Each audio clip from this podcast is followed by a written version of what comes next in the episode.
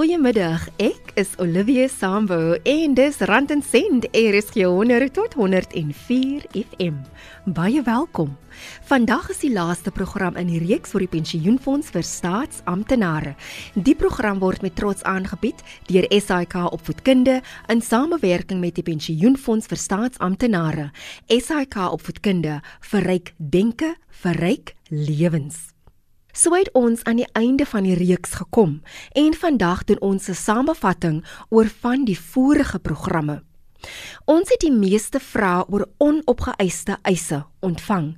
Daar was verskeie navrae van luisteraars wat wil weet hoe hulle kan uitvind of hulle aan aanmerking kom vir 'n pensioenuitbetaling. Hier verduidelik Omilia Hartzenberg, kliëntedienskonsultant by die Pensioenfonds vir Staatsamptenare, wat daartoe kan lei dat voordele nie opgeëis word nie. Miskien is die persoon afgedank. En in orde om om 'n eis uit te betaal, het ons dokumentasie nodig. So dit is basies persone wat nie vir ons vorms ingehandig het by hulle menslike hulpbronne nie, HR's en hakies Dit beteken dat die GEPF nie kan uitbetaal nie. Nou moet ek terug gaan na wat die JEP law sê. Nou die JEP law sê dat enige uitdienstrede moet binne 60 dae na uitdienstrede betaal word. So die persoon het uit diens getree, kom ons sê einde Augustus. So September, Oktober, die vorms moes ingehandig gewees het.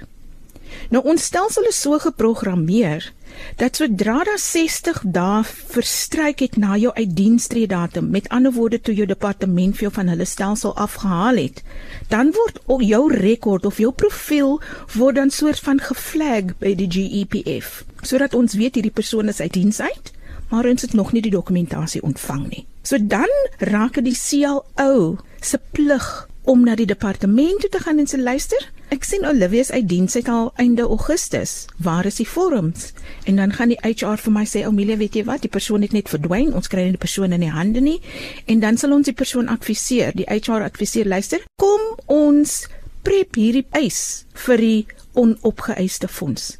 So wat dan gebeur terwyl die geld nog lê in ons lewendige rekening? Is daar veronderstel om rente op te bou? Maar sodra ons die geld beweeg van ons lewendige rekening na die onopgeëiste rekening toe, dan word daar nie meer rente bygesit nie. So die JEP law sê na 60 dae verstryk het, moet daar rente gebou word. Dit is nie iets wat ons graag wil doen nie.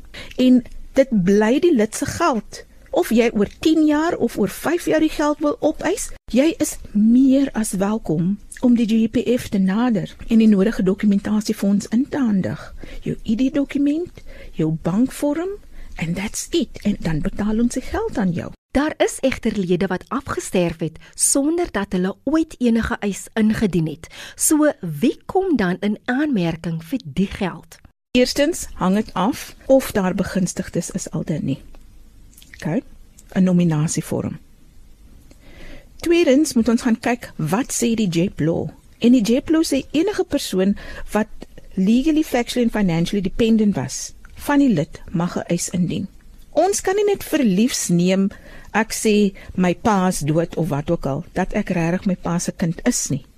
Dan gaan Amelia moet 'n bewys gee dat ek wel die biologiese dogter was van die oorledene die wetgewing moet ek soort van bevredig om te sê legally and factually yes want ek was die persoon se biologiese kind in 'n affidavit vorm. As ek finansiëel afhanklik was van my pa, dan moet ek dit ook kan bewys. En hierdie tipe inligting kan deurgegee word in 'n affidavit vorm. Indien daar nie begunstigdes is nie, en daar is miskien 'n eksekuteur aangestel vir die persoon wat afgesterf het, mag die geld ook in die oorledene se boedelrekening inbetaal word. Weereens, hierdie persoon moes aangedui gewees het deur 'n hof om op te tree as die eksekuteur van die oorledene en dan sal ons dit in 'n boedelrekening kan betaal. 'n Boedelrekening rekening gaan gewoonlik die laaste laaste opsie wees. So met ander woorde, hierdie lid of pensionaris wat afgesterf het, bevredig glad nie ons wetgewing nie. So met ander woorde, there's nobody that's legally, factually and financially dependent on the deceased as on date of death. So wat doen ons nou? Ons laaste uitweg gaan wees die boedelrekening, want hierdie geld moet uitbetaal word. Gade van lede kwalifiseer ook vir 'n pensioenvoordeel van die fonds. Die reëls van die fonds sê as daar 'n lewende gade is, soos op dag van afsterwe van my lid of pensionaris, so 'n persoon mag kwalifiseer vir 'n gade pensioen. Indien die persoon vir ons um, die aansoek indien, niks gebeur outomaties nie. Ongelukkig is daar administratiewe gedeelte wat voltooi moet word, soos die Z143 moet voltooi word. Met hierdie Z143 het ons nodig die doodsertifikaat van my lid of my pensionaris. Ons het nodig die ID van beide lid en gade en dan natuurlik die trousertifikaat. Kinders van lede kom ook in aanmerking vir 'n toelaag. Indien 'n lid afgesterf het of 'n pensionaris. Die eerste ding wat ons vra is, is daar 'n gade? Is daar kinders? Nou moet ons gaan kyk na die woord kinders. Ons praat van regmatige kinders. Engelsman sê eligible children. En dit is basies die lid of die pensionaris se eie bloedkinders, biologiese kinders of wettiglik aangenome kinders. Hierdie kinders moes gewees het tussen die ouderdom van 0 en 18 of tussen 18 en 22, maar dan moet die sulke kinders voltydse studente gewees het. Die derde kategorie is dan gestremde kinders. Ongeag van die gestremde kind se ouderdom, mag hierdie kind kwalifiseer het vir 'n weeskindpensioen, maar die kind moes finansiëel afhanklik gewees het van my lid of my pensionaris soos op datum van afsterwe. Toe kom ons nou op mensies af wat sê maar my kind se pa het gaan brood of seep koop. So wat is die moontlikheid as ek vandag tot sterwe kom dat my kind 'n weeskind pensioen gaan kry? So tydjie gelede het binnelandse sake die manier wat hulle geboortesertifikate uitreik verander aan 'n bridge birth certificates hmm. sodat die mamma, die pappa en die kind se naam op hierdie dokument kan wees. Dit het ons werk soveel makliker gemaak want nou het ons 'n ID-nommer van die pappa of die mamma. En ons kan by die departement van Home Affairs kan ons dan gaan kyk lewe die persoon nog al dan nie. En dit is hoe ons kan bepaal het of die persoon 'n weeskind is al dan nie. Jy kan jouself indink hoeveel van die gevalle kan ons dit nie het nie. Kon ons dit nie bewys het dat hierdie kind 'n weeskind is nie. En dit is waar die tamaletjie begin het. En dis een van die groot redes hoekom hulle toe nou 1618 besluit het, ons gaan hierdie weeskindpensioen verander na kinderpensioen toe. So as Oumelia vandag tot sterwe kom as 'n lid en Kevin lewe nog, kan Kevin 'n gade pensioen kry en my twee kinders wat ons saam het, kan ook 'n kinderpensioen kry. Maar weer eens word die regte dokumentasie benodig om die eis vinniger te laat geskied. Net een stawende dokument wat ons gaan nodig is die legal guardianship wat verkrygbaar is vanaf 'n hof. En dit is ongelukkig een van die dinge wat ons eise vertraag. Die kind bly by sê by 'n tannie of by 'n ouma of want onthou ons moet daardie geld, die maandelikse pensioen, moet ons in hierdie voog se se bankrekening inbetaal aan 'n regmatige voog, 'n legal guardian. En hierdie legal guardian, omdat dit nie 'n mamma of 'n pappa is nie, dis 'n derde persoon moet deur die hof aangedui word. Dit kan enige iets duur van 3 tot 6 maande tot 12 maande afhangende in watter streek die persoon hom of haarself bevind. Want ek het agtergekom elke streek hanteer dit anders. Party van hierdie hoofde wil eers hê dit moet deur 'n social worker gehanteer word. Die ondersoeke moet gedoen word, die besoeke moet gedoen word sodat 'n verslag kan opgestel word en dan eers word hulle hofdatum gegee vir die voogdeskap en so en so voort. So ek is nie bevoeg om te sê hoe lank dit gaan duur nie, want dit is uit ons hande uit. Al wat ek vir jou kan sê, daar is 'n child's pension vorm wat voltooi moet word.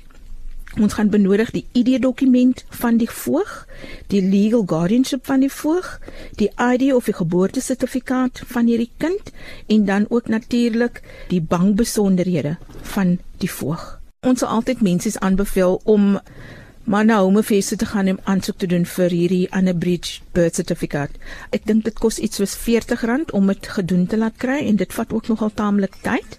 Maar soos ek vir jou sê, indien ons die legal guardianship brief gekry het vanaf die hof, behoort dan nie probleme te wees nie. So gesels Omelia Hartzenberg van die Pensioenfonds vir Staatsamptenare in die Wes-Kaap.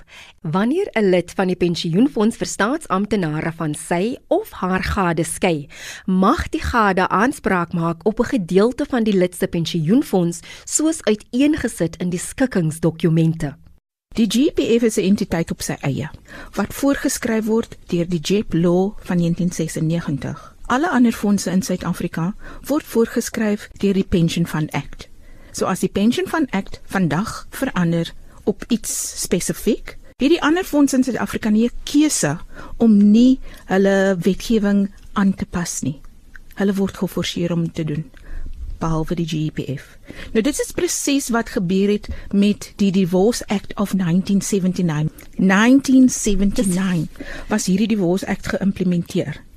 En basies as 'n persoon geskei het volgens hierdie egskeidingswet, dan moes die eksgade gewag het tot die lid eendag uit diens uittreë voor hy of sy sy egskeiding gedeelte kan optel. Toe kom 2007. Toe is die wetgewing toe bietjie verander, die, die egskeidingswet en dit sê vanaf 2007 kan ons nou 'n eksgade uitbetaal terwyl die lid nog in diens is. Alle fondse was geaffekteer behalwe die GEPF. Dit was 2007. Die 1ste van die 4de 2012 is die GEPF se wetgewing verander wat toe nou ook vir die GEPF toelaat om eksgades uit te betaal terwyl ons lid nog in diens is. Toe 1/4/2012 aanbreek, het ons al reeds gesit met plus minus 7000 lede wat geskei was. En die wetgewing het toe vir ons nou toegelaat om hierdie eksgades uit te betaal terwyl die lid nog in diens was. Maar weet jy, die reëls het weer verander na 1/4/2012 dat indien 'n lid vanaf 1/8/2019 skei en vorentoe dat ons nie meer die geld wat ons uitbetaal het aan die eksgade reken as skuld teen die lid se pensioenprofiel nie dit gaan nou vermindering van diensjare wees. So, voor 2019, indien ek geskei het en ek het byvoorbeeld 500 000 rand vir Kevin gegee. 500 000 rand. Dan het die GPF hierdie 500 000 rand as skuld teen my profiel gelaai by die pensioenfonds. Hierdie 500 000 rand het nie 500 000 rand gebly nie. Daardie bedrag het rente beloop. Ja. Repo rate plus 3%. So as jy nie die geld terugbetaal nie, dan kan daardie bedrag 'n astronomiese bedrag op die ouende van die dag wees, waarvan net 500 000 rand vir Kevin gegee was, so by aftreedatum skuld ek nou 8 of 900 000 rand. So gesels Omelia Hartzenberg van die Pensioenfonds vir Staatsamptenare, maar hoe word die lede geraak wat reeds voor 1 Augustus 2019 geskei was? Maar op 1/8/2019 het ons al reeds plus minus 60000 lede gehad op die fonds wat al reeds gesit het met hierdie egskeidingsskuld. Hierdie lede is toe nou 'n eenmalige opsie aangebied om te sê ek wil bly op hierdie skuldbenadering of ek wil oorgeplaas word na die vermindering van jare. Natuurlik moes daar berekening, individuele berekeninge gedoen word vir elke lid, want almal se se skuld is nie dieselfde nie en hulle ouderdomme is nie dieselfde nie. So hierdie berekeninge is toe nou gedoen en die briewe is uit. So die brief wat Oumilia sou gekry het, sou gewees het Oumilia, ons het 500 000 rand vir Kevin ge gebetaal 3 of 5 jaar gelede. Heidiglik skuld jy vir ons 700 000 rand. As ons hierdie 700 000 rand neem en ons skakel dit om in pensioendraande diensjare, is daardie bedrag gelykstaande aan 15 jaar se pensioendraande jare. So jy het nou die opsie Oumelia, wil jy op hierdie skuldbenadering bly of wil jy oorgaan na die vermindering van diensjare? Hierdie vorm wat uitgegaan het vir elke lid wat skuld het, moet voor die 22ste Mei 2020 ingehandig word by die GEPF in orde om jou oorskakeling te doen. Indien daai vorm nie teruggestuur word vir watter rede ook al nie, op die 23ste Mei 2020 gaan ons diegene neem waarvan ons niks terugvoering gekry het nie, vanaf die skuldbenadering en oorplaas op die vermindering van jare profiel. Baie belangrike berekeninge word in die briewe uiteengesit deel van hierdie brief wat uitgegaan het waar hulle vir hulle die lede baie baie mooi verduidelik die agtergrond van egskeidings die nuwe reël wat geïmplementeer is 1/8/2019 en dan gee hulle vir jou berekeninge. As ek nog 40 jaar oud is vandag toe hulle die briewe gestuur het dan het hulle ook 'n dan 'n berekening vir my gegee vir my normale aftree ouderdom. Twee berekeninge So ek is 40 vandag, né? So oor 20 jaar se berekening gaan hulle vir my sê, "Omelia, indien jy op die skuldbenadering bly, dit is hoe jou aftreevoordeel gaan lyk. Dit is jou enkelbedrag, dit is jou maandelikse pensioen en dit is jou skuld." Dan langs dit het hulle ook dan vir jou berekening gegee om te sê, "Omelia, indien jy wil oorgaan na die vermindering van diensjare, wanneer jy aftree, dit is jou enkelbedrag, dit is jou maandelikse pensioen met geen skuld nie. Hierdie berekening gaan vir jou 'n goeie idee gee wat die beste vir jou as individu gaan wees. Hierdie inligting, kry jy dit by die fonds of is dit jou menslike hulpbronne departement wat vir die inligting aanstuur? Hierdie is verskriklike persoonlike besonderhede baie baie sensitiewe inligting. En hierdie besonderhede gaan jy nie by jou menslike hulpbronne kry of in hakkies HR nie. Dit kan net verkry word vanaf die GEPF. Lede moet ook kennis dra van die volgende inligting. Indien ek heidaglik 15 jaar het en ek is nou by verpligte aftree ouderdom en hierdie vermindering van diensjare bring vir my onder 10 pensioendraande diensjare, gaan ek nog steeds uitbetaal word op die aftree formule op die verlaagde pensioendraande diensjare. So normaalweg as jy aftree, moet jy meer as 10 jaar pensioendraande diensjare hê in orde om 'n enkel bedrag sowel as 'n maandelikse pensioen te kry. Maar in hierdie geval, indien jy minder as 10 jaar het nadat die vermindering van jare toegepas is, gaan jy nog steeds op dieselfde formule uitbetaal word op 'n verlaagde pensioendraande diensjare. Daar is sekere inligting wat duidelik op die vorms aangedui moet word. So as Oumelia van Kevin wil geld eis, ekskedings eis insit, dan moet dit pertinent sê Oumelia is geregtig op 50% van Kevin se GEPF voordeel soos op datum van egskeiding. Die GEPF word opdrag gegee om Kevin se rekord te indoseer in orde vir Omelia om die geld te eis. En as Kevin van Omelia eis, moet presies dieselfde gesê word. Kevin is geregtig op X bedrag of persentasie van Omelia se pensioenfonds te GEPF. Dit kan nie net een paragraaf wees nie. Die partye moet korrek geïdentifiseer word. Die fonds moet korrek geïdentifiseer word. Persentasies moet of bedrag moet korrek geïdentifiseer word. Sien op 'n voorbeeld, daai egskeiding skikkingsakte sê nie dat die fonds moet betaal nie. Kan ons dit verliefs aanneem dat dit 'n settlement gaan wees tussen die twee partye? Al wat hulle van ons gaan kom uitvind, wat was die fondswaarde? Soos op dag van egskeiding, dan is dit Oumelia se plig om dan vir Kevin uit haar eie sak uit te betaal. En dit is hoekom dit so belangrik is dat die lid se skikkingsakte korrek opgestel is, dat dit voldoen aan die wetgewing ten opsigte van die Divorce Act of 1979. Dit was Omelia Hartzenberg van die Pensioenfonds vir Staatsamptenare en dit was die laaste program in die reeks oor die pensioenfonds. Dankie aan elke luisteraar wat 'n vraag gestuur het. En ek hoop van harte dat die programme in 'n mate gehelp het. Vir meer inligting oor die pensioenfonds vir staatsamptenare, gaan na een van die instapdienssentrums of besoek hulle by een van die satellietkantore. Jy kan ook 'n e-pos stuur na inquiries@gepf.co.za of besoek hulle by die webtuiste www www.gepf.co.za. Jy kan ook die fonds kontak op Twitter. of skakel die tolvrye nommer by 0800 117 669. Dis 0800 117 669. Dit wil wel voorkom uit die onderhoude wat ons gedoen het oor die pensioenfonds vir staatsamptenare dat jou kanse op sukses aansienlik verbeter wanneer jy na 'n instapdiensentrum toe gaan vir hulp. Ek is Olivia Sambo en ek groet tot volgende Sondagmiddag om 4uur hier op Rand en Sent, RSG 100 tot 104 FM.